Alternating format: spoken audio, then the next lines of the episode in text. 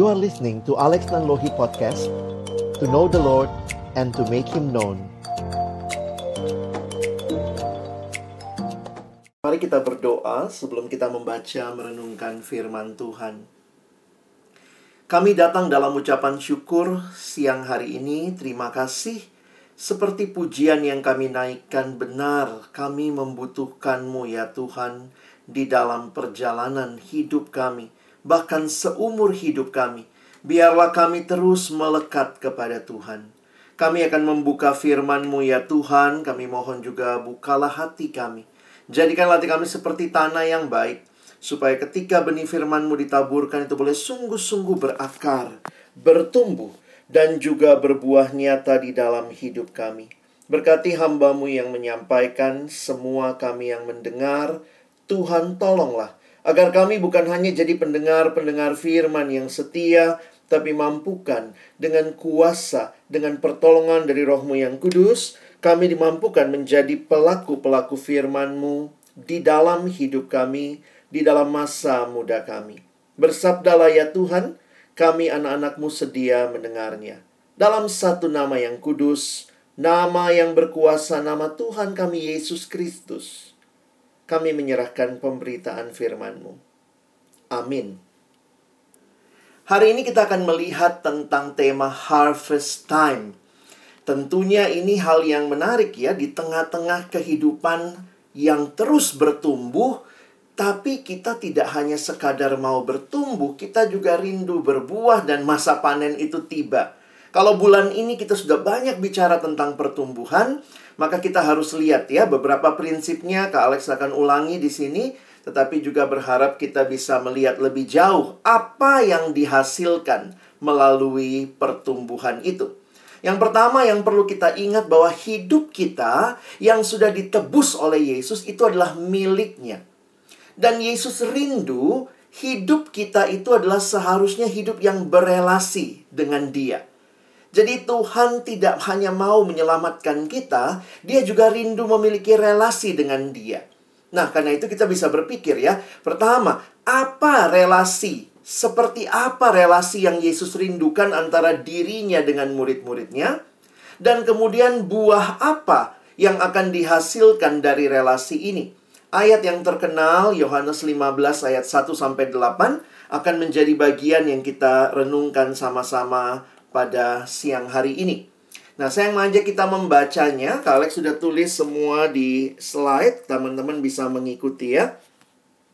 Yohanes 15 ayat 1 sampai dengan ayat yang ke-8. Akulah pokok anggur yang benar dan Bapakulah pengusahanya. Setiap ranting padaku yang tidak berbuah dipotongnya, dan setiap ranting yang berbuah dibersihkannya, supaya ia lebih banyak berbuah. Kamu memang sudah bersih karena firman yang telah kukatakan kepadamu.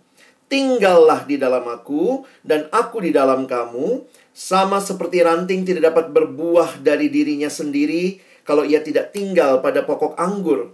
Demikian juga kamu tidak berbuah jikalau kamu tidak tinggal di dalam aku. Akulah pokok anggur dan kamulah ranting-rantingnya. Barang siapa tinggal di dalam aku dan aku di dalam dia, ia berbuah banyak.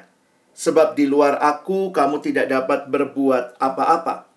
Barang siapa tidak tinggal di dalam aku, ia dibuang keluar seperti ranting dan menjadi kering. Kemudian dikumpulkan orang dan dicampakkan ke dalam api, lalu dibakar. Jikalau kamu tinggal di dalam aku, dan firmanku tinggal di dalam kamu. Mintalah apa saja yang kamu kehendaki, dan kamu akan menerimanya. Dalam hal inilah Bapakku dipermuliakan, yaitu jika kamu berbuah banyak, dan dengan demikian kamu adalah murid-muridku. Nah, teman-teman yang dikasihi dalam Tuhan Yesus Kristus, ini satu bagian yang populer sekali dibahas ketika bicara bagaimana Tuhan Yesus merindukan relasi dengan kita, murid-muridnya. Jadi kalau kita lihat konteksnya, Tuhan Yesus itu mengajarnya simple ya. Tuhan Yesus menggunakan penggambaran dan pada waktu itu di Palestina banyak kebun anggur. Dan Yesus memberikan gambaran relasi seperti apa yang dia rindukan antara dirinya dan murid-muridnya. Kadang-kadang kita nyanyi ya, ada lagu apa tuh? Kau temanku, ku temanmu, kita selalu bersama seperti mentega dengan roti. Itu juga gambaran relasi ya. Katanya mentega sama roti, seperti celana sama baju. Tapi Yesus tidak memilih ilustrasi itu. Karena ilustrasi yang Yesus pilih bukanlah ilustrasi yang mati. Celana sama baju kan nggak hidup ya mentega sama roti juga nggak hidup ya, malah dimakan habis. Tetapi Yesus memilih gambaran relasi antara pokok anggur dan ranting. Apa yang mau digambarkan? Paling tidak ada tiga hal yang Kak Alex ingatkan buat kita. Yang pertama Tuhan Yesus mengingatkan tentang hakikatnya Allah. Allah sebagai pokok anggur, ya kalau di sini sebenarnya digambarkan Bapakkulah pengusahanya dan Yesuslah pokok anggurnya. Maka inilah hakikat Allah kita. Yesus yang adalah Allah itu, dialah sumber segala sesuatu. Tapi di sini kita jadi belajar juga hakikat siapa? Hakikat kita, manusia. Kita manusia yang harusnya bergantung kepada sumber. Dan Kemudian kita melihat ya, yang ketiga adalah hakikat firman Tuhan dan doa sebagai alat kasih karunia Allah untuk kita. Nah, Kak Alex kasih contoh sederhana begini ya. Kadang-kadang saya suka mengajak kita melihat ya, pernah atau di rumah pasti punya kipas angin kali ya. Kalau kalian punya kipas angin, saya mau nanya, yang mana yang sumber kalau ada kipas angin, lalu ada colokan nih. Yang mana yang sumber, yang mana yang bergantung sama sumber. Wah, sederhana kan? Yang namanya sumber ya pasti colokannya. Sumber arus, arus listriknya dari situ. Nah, kipas angin ini bergantung sama sumber. Jadi teman-teman, sebagus apa pun kipas angin itu, lengkap baling-balingnya. Tapi kalau nggak kecolok, ngapain punya kipas angin nggak kecolok ya? Kalau panas kita yang muter bukan kipasnya begitu ya. Nah, sehingga gambaran yang diberikan Allah adalah sumber dan manusia harusnya bergantung sama sumber. Sebagus apa pun hidupmu dan hidupku, tapi kalau kita tidak terhubung dengan Tuhan, apa gunanya? Allah adalah sumber, manusia kita bergantung kepada sumber, dan perhatikan yang ketiga. Contohnya sederhana.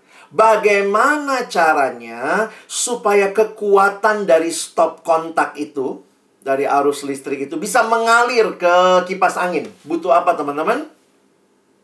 Benar, butuh K kabel. Nah, orang Kristen, Allah sumbernya. Aku bergantung pada sumber. Kabelnya apa? Firman Tuhan dan doa. Teman-teman, jadi jangan lupa kalau kita tidak kecolok dengan Tuhan, tidak terhubung, tidak punya relasi dengan Tuhan, nggak bisa. Tuhan sumber, tapi kok saya nggak ngalamin ya kekuatan Tuhan. Saya tanya dulu, kamu baca Alkitab nggak? Ada anak remaja gitu datang sama Kak Alex ya aduh Kak saya pengen tahu nih Tuhan mau apa dalam hidup saya gitu ya. Dia udah kelas kelas 12 dia nanya gitu aduh Kak Tuhan maunya apa? Saya masuk jurusan mana ya? Tuhan maunya apa? Ya anaknya ngomongnya Tuhan mulu Tuhan mulu ya. Terus saya tanya sama dia eh kamu ngomongnya luar biasa ya tanya Tuhan. Kamu rajin baca Alkitab nggak? Tuh tiba-tiba ngomong ah itulah Kak masalahnya. Lagi sibuk nih kelas 12 mau tahu kehendak Tuhan, tidak baca firman Tuhan, itu mah bohong. Teman-teman, ketika Tuhan sumber segala sesuatu, kita harus bergantung kepada Dia. Maka Tuhan memberikan alat kasih karunia supaya kekuatan dari Tuhan bisa mengalir dalam hidup kita. Sama seperti dari stop kontak, mengalirkan arus ke kipas angin butuh kabel. Banyak orang Kristen tahu Tuhan sumbernya, aku harus bergantung sama Tuhan, tapi kabelnya nggak nyambung, nggak nyolot. Dari mana? firman Tuhan dan doa. Coba lihat lagi ayatnya ya. Ini kan ada di ayat tadi, ayat 7. Coba teman-teman lihat. Yesus bilang begini, "Jikalau kamu tinggal di dalam aku dan firmanku tinggal di dalam kamu." Jadi ini firman ya. Firman tinggal di dalam aku, firmanku tinggal di dalam kamu. Lalu apa kalimat berikutnya? Mintalah apa saja yang kamu kehendaki. Minta itu apa sih? Doa. Ayat 7 menyiratkan bahwa engkau dan saya butuh relasi dengan Tuhan dalam firman dan doa. Makanya itu disebut sebagai alat kasih karunia.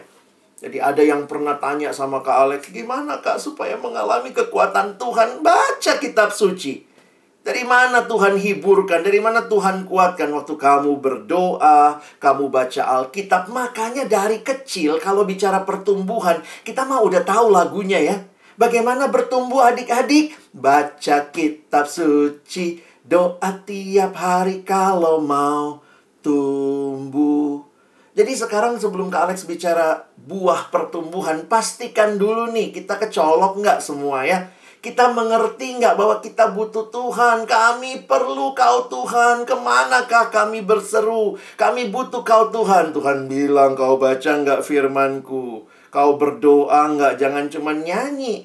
Kita merindukan relasi dengan Tuhan. Itu yang Alkitab ingatkan. Itu yang Yesus sampaikan. Nah, seorang bernama Bapak Dawson Trotman mencoba melengkapi dengan gambar yang menarik. Dia bikin yang namanya ilustrasi roda. Nah, dia menggambarkan ilustrasi ini dengan nama ilustrasi roda karena dia bilang hidup orang Kristen tuh mirip kayak roda ya. Kalau kalian lihat roda seperti ini, yang muter itu mananya? Nah, bener ya, porosnya ya. Maka dia katakan di pusat hidup harus ada Kristus. Karena itulah yang menggerakkan hidup kita. Lalu dia menggambarkan ada dua jari-jari. Ya, ada dua jari-jari. Satu yang vertikal hubungan dengan Tuhan. Saya ngomong sama Tuhan namanya doa. Tuhan ngomong sama saya namanya lewat firman Tuhan. Jadi kita terhubung dengan Tuhan, tapi dia tambahkan bukan cuma dengan Tuhan, kita juga butuh hubungan dengan sesama. Makanya ada yang bilang HPDT, hubungan pribadi dengan Tuhan, tapi juga ada HPDS, hubungan pribadi dengan sesama. Dia bagi dua. Perhatikan gambarnya. Yang pertama, ke dalam. Ke dalam itu sesama orang percaya. Kita harus rajin bersekutu. Makanya harusnya ya kita ikut rokris ini bukan karena di absen ya, karena memang rindu bersekutu. Kita rindu mengenal Tuhan, kita rindu men menguatkan saudara-saudara seiman. Dan ada lagi hubungan pribadi yang horizontal dengan orang-orang yang belum percaya. Bagaimana sikap kita? Bersaksi. Jadi memang harusnya lebih lengkapnya begitu ya. Cuman kan lagunya kadang kita cuma ingat baca kitab suci, doa tiap hari. Harusnya dilanjutin ya. Rajin bersekutu dan giat bersaksi. Jadi itulah lengkapnya. Ketika engkau dan saya tinggal di dalam Tuhan, kita memiliki relasi yang hidup dengan Tuhan. Perhatikan ya, Kak Alex ingatkan kita. Semua relasi tadi dengan Tuhan, vertikal dengan sesama horizontal itu relasi yang sifatnya apa? Pribadi. Yang sifatnya apa? Continue, berarti terus menerus. Dan apalagi konsisten teman-teman kita suka bercanda ya. Eh lu lu nanti ke Rokris ya. Titip doa dong buat gua. Nggak bisa. Yang namanya hubungan dengan Tuhan tuh nggak bisa diwakilkan. Kita bisa mendoakan orang lain, tetapi bukan berarti kita nitip dia nitip tadi Tuhan dia nggak mau datang gitu ya. Gue yang doain dia. Itu hubungan yang pribadi tidak tergantikan. Teman-teman kita rindu hubungan yang seperti ini, yang pribadi, yang continue terus-menerus, jangan on off on off gitu ya. Saya pikir gitu, bayangkan kalau ada ranting, ranting itu melekatnya sewaktu-waktu. Aduh, lagi malas melekat ya, maaf pokok anggur, aku jalan-jalan dulu. Lalu kemudian rantingnya, eh, nggak e, apa-apa saya minta diwakilkan ranting yang lain. Saya mah mau jalan-jalan aja. Nggak demikian. Tuhan rindu relasi dengan kita yang pribadi, yang kontinu dan konsisten. Itu yang dituliskan di dalam Yohanes 15 ayat 5. Yesus berkata, "Akulah pokok anggur." Jangan lupa ya, bukan kita pokok anggurnya. Kamulah ranting-rantingnya, berarti kamu yang bergantung sama aku. Makanya dia jelaskan lagi, barang siapa tinggal di dalam aku dan aku di dalam dia, ia berbuah banyak. Sebab di luar aku kamu tidak dapat berbuat apa-apa. Wah, Kak Alex agak lama waktu mikir, ha? Di luar aku kamu tidak dapat berbuat apa-apa. Bukankah orang bilang, ah saya bukan, saya nggak kenal Tuhan. Banyak kok orang nggak kenal Tuhan, hidupnya baik-baik aja. Prestasinya bagus-bagus, lebih bagus lagi juaranya dari kamu mungkin ya. Tetapi kerohanian tidak diukur dari pencapaian-pencapaian yang kita lihat dalam dunia semata-mata. Tetapi ini bicara kehidupan yang melekat sama Tuhan. Saya kasih contoh ya. Satu pagi Kak Alex pergi ke pelayanan, lalu kemudian ketemu seorang adik yang melayani bersama-sama ya. Terus dia tuh suka cerita ya. Nah dia waktu itu sepelayanan sama kami, dia tinggal ngekos. Saya ingat dia ngekos gitu ya dan dia perempuan. Nah, orang tuanya di daerah mungkin biar nggak sepi ya dia pelihara ikan mas. Jadi beli akuarium kecil taruh di kamar kosan gitu ya. Ada kan yang kayak gitu ya. Lalu kemudian dia suka cerita ikan masnya. Dia cerita dia beli akuariumnya dia bersihin dia apa gitu. Nah satu pagi waktu saya datang tiba-tiba dia ngomong gini kalex kalex emang kenapa? Tahu nggak kak? Tadi malam ikan mas saya bunuh diri. Maksudnya apa? Ternyata dia beberapa ekor, dia kan peliharanya bukan satu ekor doang teman-teman ya. Pagi hari dia menemukan dua ekor ikan masnya sudah lompat keluar dan mati tergeletak di atas karpet. Kami sih bercanda ya, wah kita bercanda bilang, wah ini mungkin ikan yang nggak disetujui cintanya sama orang tua, makanya lompatnya berdua begitu ya. Tetapi kesimpulan percakapan kami pagi itu, ikan itu bebasnya di mana? Ikan itu bebasnya bukan di luar air, teman-teman ya, tapi di dalam air. Mungkin ikannya merasa, aduh airnya sedikit banget, di luar lebih luas. Mungkin dia bilang, oh saya ikan reformasi, saya tidak butuh air. Maka titik ketika dia keluar, lompat dari air, dia keluar di luar. Mungkin sementara masih kelihatan hidup ya. Menggelepar-gelepar, ah, gitu ya. Lalu kemudian, ah matilah. Nah, kesimpulan kami hari itu Sebenarnya kenapa Tuhan minta kita hidup di dalam Dia? Karena Yesus berkata, "Di luar Aku, kamu tidak dapat berbuat apa-apa." Karena itu sebelum kita bicara buah ya, karena buah itu sebenarnya sederhana ya. Karena kita mau kan berbuah, kita mau tahu hidup dalam Tuhan itu apa indahnya. Pertanyaannya jangan nanya indahnya dulu. Sudah hidup dalam Tuhan dulu nggak? Jangan bicara buah dulu deh sudah berelasi dengan Tuhan nggak?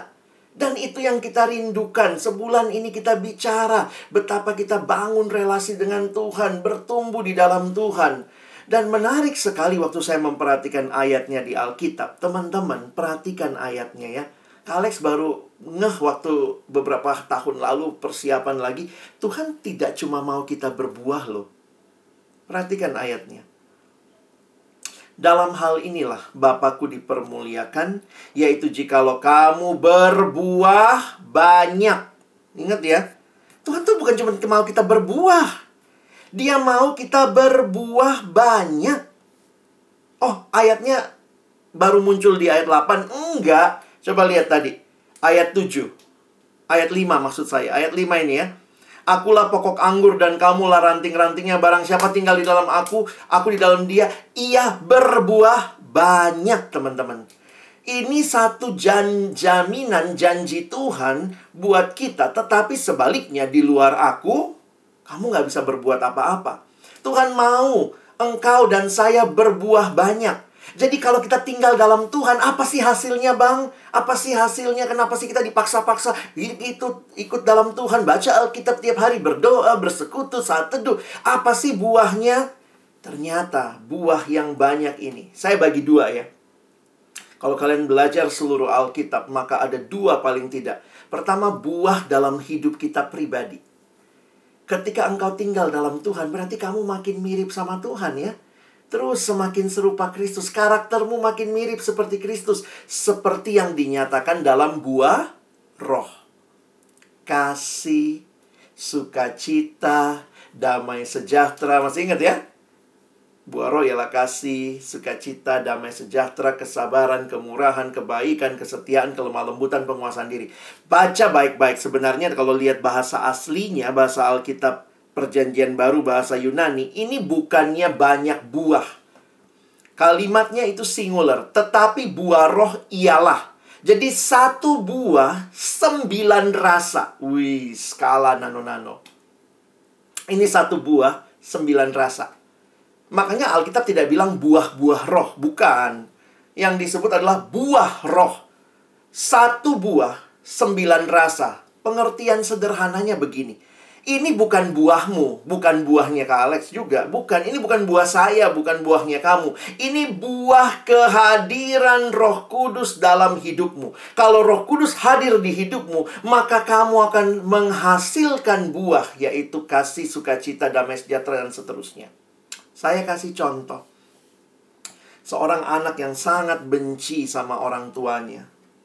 Karena dia merasa dia lahir di keluarga yang tidak harmonis. Dia benci papanya yang sering memukul mamanya. Dia benci mamanya yang tidak melawan tapi diam-diam saja. Dia benci sama dirinya yang juga tidak bisa bikin apa-apa dan akhirnya juga dia benci sama Tuhan Tuhan kenapa biarkan aku lahir di keluarga seperti ini? Apakah dia punya kasih? Tidak. Tetapi waktu dia kenal Tuhan Yesus, Tuhan sentuh hatinya. Dia bertobat terima Yesus. Salah satu hal pertama yang Tuhan pulihkan bagi dia. Dia diberikan hati yang baru untuk mengasihi keluarganya. Teman-teman, kasih itu bukan milik kita kita itu manusia egois, manusia yang dalam dosa pengennya balas dendam. Kita itu orang yang mendendam, orang yang ingin membalas sama orang lain. Kalau sampai kamu bisa punya kasih, itu bukan buahmu. Itu pasti buah dari roh kudus yang sudah hadir mengubahkan hidupmu. Anak itu mulai bisa mendoakan orang tuanya. Dulu dia selalu komplain, Tuhan kenapa ini keluargaku? dia selalu menuntut. Apa yang keluarga ini bisa berikan buat saya? Saya nggak dapat apa-apa dari keluarga ini. Tetapi ketika kasih Allah mengubah hatinya, pertanyaannya berubah. Bukan apa yang keluarga ini bisa berikan bagiku, tetapi kasih muncul. Dia berpikir, apa yang aku bisa berikan untuk keluargaku? Ketika dia lihat perjalanan hidupnya ya, karena sekarang dia sudah dewasa, sudah kerja ya, sudah menikah bahkan waktu Abang lihat hidupnya saya pikir iya ya. Kasih itu buah dari dia tetap tinggal dalam Tuhan. Dia baca firman waktu itu dia bilang, Bang susah banget firman ini bilang ampuni, aku nggak bisa ampuni bapakku yang seperti itu. Tapi terus dia baca firman, terus dia ikut kelompok kecil, dia diubahkan, dia dikuatkan, dia bertumbuh. Buahnya adalah sekarang dia punya sukacita, dia punya kasih yang mengalir dari hidupnya. Bukan hidup yang self-centered, tapi hidup yang bahkan jadi berkat. Teman-teman, kadang-kadang buah itu bukan semata-mata kamu tiba-tiba dapat nilai tinggi. Buah itu banyak kali bukan seperti itu polanya. Alkitab mengingatkan ketika engkau tinggal di dalam Dia, maka engkau berbuah banyak Roh Kudus menghasilkan buah. Kamu dulu maunya belajar instan, belajarnya cepat. Sekarang kamu bisa lebih sabar dalam belajar. Kamu bisa menghadapi kakakmu, adikmu lebih berbeda. Kamu dulu boro-boro doain orang tuamu, tapi ketika engkau tinggal dalam Tuhan, engkau bersaat teduh firman Tuhan mengingatkan kamu, maka buah itu keluar karena kamu tahu apa yang Tuhan mau. Kamu makin seperti Yesus. Dan ini tidak bisa digantikan. Dan pertama-tama buah itu ternyata di dalam diri kita ya. Tapi bukan hanya itu, ketika engkau juga hidup mengasihi sesama, itu juga berbuah dalam hidup orang lain. Melalui hidupmu, orang lain juga melihat Yesus. Kok bisa begitu ya?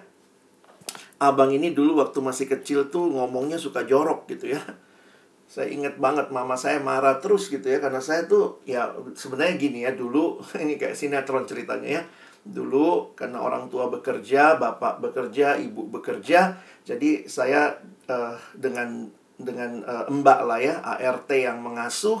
Nah, waktu itu kemudian ART saya pacaran sama tukang beca. Jadi ritualnya uh, abang dulu setiap sore itu ya keliling-keliling kota naik beca sama pembantu saya dan tukang beca ini selalu kalau dia ngomong kan kadang-kadang ngomongnya kasar. Saya kan anak kecil ya masih balita tuh terekam di bawah sadar saya. Jadi kalau saya marah itu paling cepat keluar kata-kata kasar. Nah, ketika saya bertobat terima Yesus, Salah satu yang Tuhan ubahkan pelan-pelan adalah perkataan. Jadi dulu tuh mama saya tuh sampai marah ya. Pernah saya ingat mama saya datang ke guru TK saya. Terus dia bilang, ibu jangan lihat anak ini manis ya. Mulutnya kotor banget gitu. Saya ingat ya. Saking marahnya satu waktu saya ingat saya dicabein sama mama saya. Dicabein gitu ya. Supaya saya nggak ngomong jorok. Ketika saya bertobat kelas 1 SMA saya kenal Tuhan ya dalam retret sekolah di situ Tuhan ubahkan. Belajar untuk tidak berkata-kata yang kasar. Itu kalau jujur bukan buahnya saya. Itu buahnya roh kudus yang diam dan kemudian mengubahkan saya. Saya itu modelnya suka ngomong kasar. Tapi Tuhan mengubahkan. Nah itu bukan sesuatu yang terjadi begitu saja. Tapi lewati proses dan kemudian. Satu hal yang menarik ya. Tiba-tiba saya ingat ya. Karena yang paling tahu saya ngomong jorok kan mama saya ya satu waktu mama saya ngomong gini, ih, kamu udah nggak sering ngomong jorok ya, gitu ya. Wow, ternyata buah pertobatan kita juga dirasakan loh oleh orang lain. Dan ya mungkin mama saya nggak bilang memang, wah anak gue udah langsung sempurna. Tapi ketika engkau dan saya berbuah, berbuahnya bukan hanya berbuah saja, tapi berbuah banyak. Maka engkau jadi berkat juga untuk orang lain. Kau bisa terlibat pelayanan, kau bisa melayani orang di rumahmu, kau bisa melayani di gerejamu. Di mana saja engkau hadir, buah roh yang hadir dalam hidupmu menjadi buah yang memberkati hidup orang lain. Nah, kalau sudah begini, apalagi hasilnya ya? Wah, hasilnya adalah siapa yang dimuliakan? Kalau kamu berubah, siapa yang dimuliakan? Tentu kamu nggak bisa bilang, ya siapa dulu dong, saya dong, saya mau udah bagus nih hidupnya ya. Tapi sebenarnya diingatkan, kalau engkau dan saya berubah itu semata-mata karena roh kudus yang hadir. Jadi siapa yang dimuliakan? Tuhan dong. Nah itulah kalimat tadi kan. Itulah yang dikatakan sebenarnya. Masih ingat ayat ini? Dalam hal inilah Bapakku dipermuliakan, yaitu jikalau kamu berbuah banyak. Kita yang berbuah banyak karena melekat sama pokok anggur. Tetapi ketika kemuliaan itu, ingat, it's not for me. Tapi kemuliaan bagi Allah. Engkau mau hidup memuliakan Allah? Memuliakan Allah itu berarti kau hidup jadi orang yang berbuah banyak. Orang yang bahkan berbuah juga dirasakan di sekitarmu. Dan ketika itulah Bapa dipermuliakan. Makanya kalau kita lihat ya, bahwa God is glorified not by praise and worship alone, but by his followers also bearing much fruit for the for the uh, advancement of his kingdom on earth. Bagi pelebaran kerajaan Allah. Here again, fruit bearing is the uh, is evidence of being true believer or being Jesus disciples. Dari mana kamu ketahuan kamu murid Yesus? Ya, orang lihat buahnya. Dia beda sekarang. Dia ber berbeda dan itu satu sukacita. Ini juga Yesus bilang ya di Injil Matius. Makanya kan kalimatnya, demikianlah hendaknya terangmu bercahaya di depan orang. Supaya mereka melihat perbuatanmu. Sampai sini kan bagus juga ya. Wih, orang lihat perbuatan saya, asik, saya dimuliakan. Perhatikan kalimat terakhir. Dan memuliakan Bapamu yang di sorga. Terangmu bercahaya. Perbuatan baikmu nyata. Tetapi kiranya orang memuliakan Bapa di surga. Slide ini menutup apa yang jadi khotbah saya siang hari ini. Dengan tinggal pada pokok anggurlah kita dapat berbuah banyak. Namun buah tersebut bukanlah semata-mata usaha kita, tapi itu dari Allah. Dialah pokok anggur, dialah sumber segala sesuatu. Karena itu, segala kemuliaan bagi Allah. Kiranya firman Tuhan hari ini menolong kita semua untuk boleh terus hidup di dalam Tuhan, berbuah banyak, mengalami perubahan hidup, ada kasih, ada sukacita, damai, sejahtera, kesabaran, kemurahan, kebaikan, kelemah lembutan, penguasaan diri, dan akhirnya juga dirasakan orang-orang di sekitar kita, dan Tuhan dipermuliakan. Kiranya firman Tuhan boleh meneguhkan kita semua. Mari berdoa. Tuhan terima kasih banyak buat firman-Mu, setiap kebenaran yang meneguhkan hati kami. Sekali lagi tolong kami, bukan cuma jadi pendengar-pendengar firman, tapi jadikan kami pelaku-pelaku firman-Mu. Kalau ada dari kami yang masih bergumul dengan relasi-relasi kami dengan Tuhan, kami masih sulit melekat, kami berdoa Tuhan mampukan kami. Tuhan ingatkan kami. Seperti pujian yang kami naikkan tadi, kami perlu Kau Tuhan. Kami sangat membutuhkan dan kiranya waktu kami berbuah, hidup kami jadi berkat bagi orang banyak. Kami tidak mencuri kemuliaan Tuhan, tapi all the glory must be to the Lord. Dalam nama Yesus kami berdoa, kami bersyukur untuk firman-Mu. Amin.